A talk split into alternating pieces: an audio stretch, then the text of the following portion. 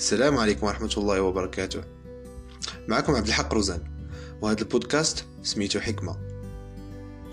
علاش هاد السمية؟ وعلاش هاد الموضوع؟ اختاريت هذا الموضوع نظرا للحاجة الكبيرة لهذا المفهوم اللي كاينة في المجتمعات ديالنا واللي فقط من خلاله غادي نقدروا نحققوا ثورة حقيقية في عدة مجالات. في عصر المعلومات ما بقاتش المعلومة بالأهمية الكبيرة اللي كتمتع بها أوجه استخدام هذه المعلومة.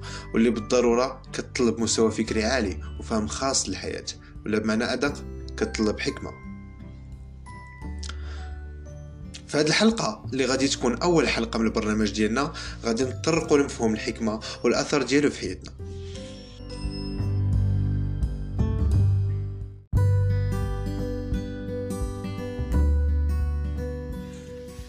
وباش نقربو أكثر لهذا المفهوم غادي نروي لكم واحد القصة.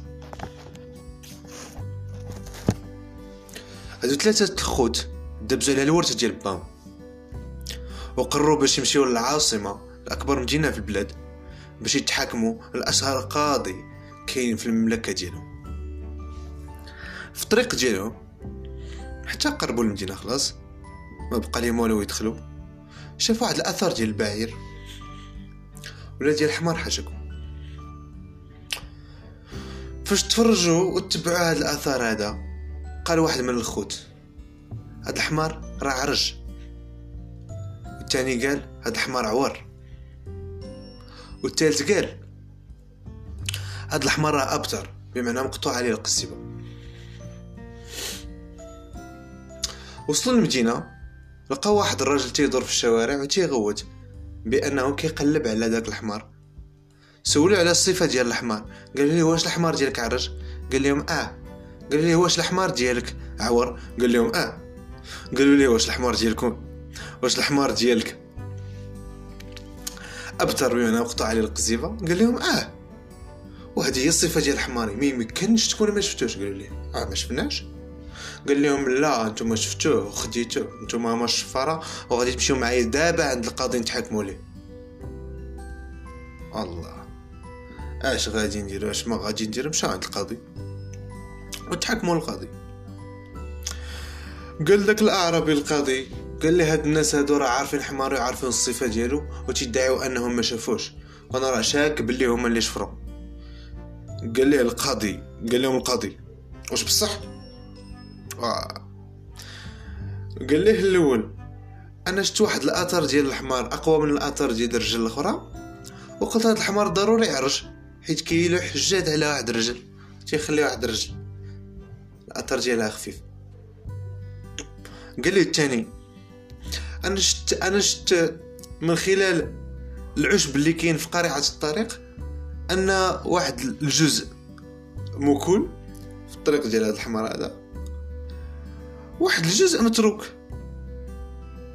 وقلت مباشرة أنا عور. تياكل من واحد الجهة واحد الجهة ما كتبانش ليه كاع.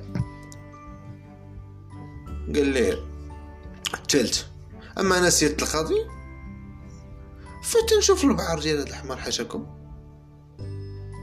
آه المجموع.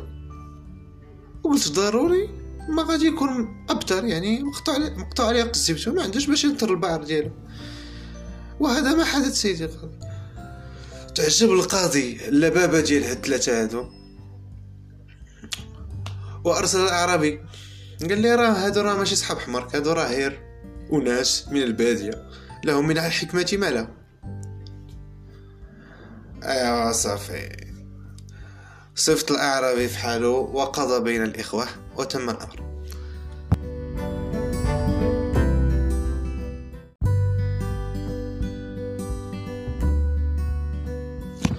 دابا غادي نسولكم واحد السؤال. من خلال القصة اللي عاودنا أش تقدروا تكونوا لاحظتوا؟ بالطبع ما غاديش نتسنى منكم الجواب دابا ولكن كنتمنى أنكم تكونوا لاحظتوا داكشي اللي لاحظت. هاد الناس ولا هاد ثلاثة الخوت كانت هم عندهم معرفة بالأحوال ديال ديال البعير ولا ديال الغنم وديال الدواب. كاملة والأنعام اللي كتعيش في البوادي.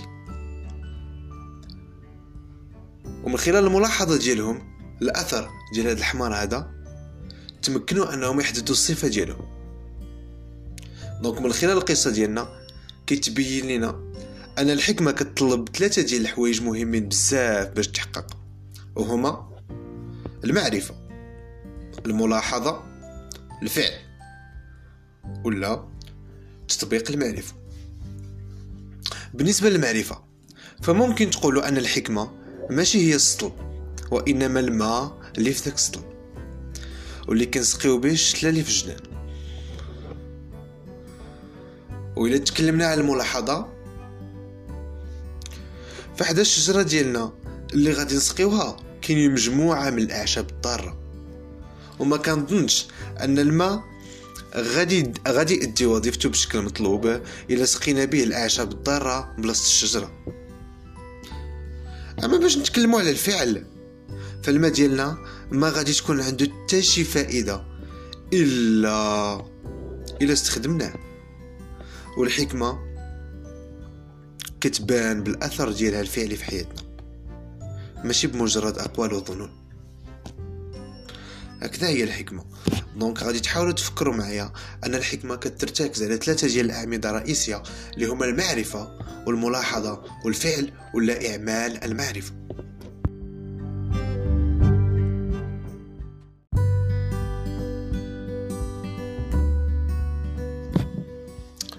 نقدر نعرف الحكمة بما هي فعل ما ينبغي في الوقت الذي ينبغي وبالشكل الذي ينبغي. وباش يتحقق عندنا هذا التعريف لازم يكون عندنا عمق كبير في التفكير وفهم واسع للحياة ومقتضياتها وهذا اللي تيوصلنا لأن الحكمة هي وببساطة عمق الفهم للحياة واللي كيرتبط بالضرورة بمجموعة من المؤشرات والقواعد. وأهمها بالنسبة لنا كمسلمين هو القرآن كإطار عقلي متين ومحكم يوجه التفكير ديال الإنسان بما يجعله أكثر دقة وكفاءة.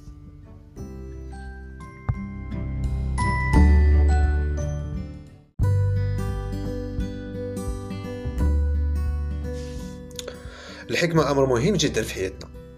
فبوجودها تنعرفوا اش كنديرو وعلاش كنديرو والنتيجة ديال داكشي اللي كنديرو وبهذا تيكون عندنا سبب لكلشي الأفعال ديالنا وتنكونوا كنتسناو نتيجة معينة من كلشي داكشي اللي كنديرو وبهذا كتكون الحياة ديالنا حياة ذات معنى ومليئة بالإنجاز. حيث الحركة ديالنا من خلالها تتكون مرتبطة بالمعرفة العميقة وبالملاحظة الدقيقة لمقتضيات الحال. اللي تيخلينا وناس فاعلين في المجتمع ديالنا وسعداء في حياتنا.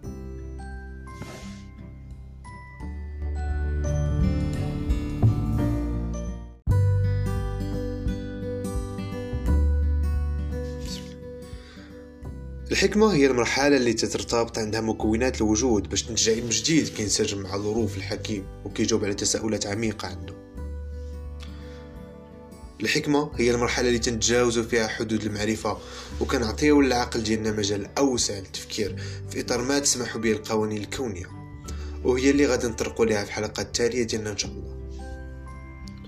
الحكمة هي الوسيلة اللي من خلالها نقدر نصحوا العلم والمعرفة ونكيفوه مع الظروف ديالنا باش يعطيونا أفضل النتائج الحكمة هي الهبة اللي كتمكننا دوما من اتخاذ القرارات الصحيحة في حياتنا. واللي كترفع من الجودة ديالها.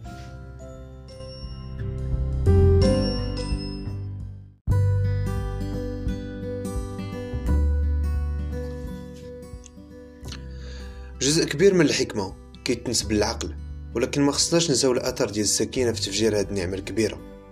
فالراحه النفسية تتمتع بدور كبير كذلك في بزوغ هذا النجم داخل العقول ديالنا. كنتمنى أنكم استفدتوا من هذه الحلقة. وقربتوا أكثر من المفهوم ديال الحكمة. ويمكن ليا نختم بهذا القول البليغ.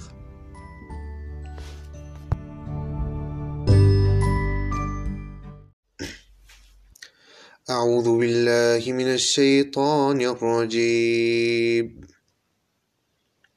يؤتي الحكمة من يشاء. ومن يؤت الحكمة فقد أوتي خيرا كثيرا.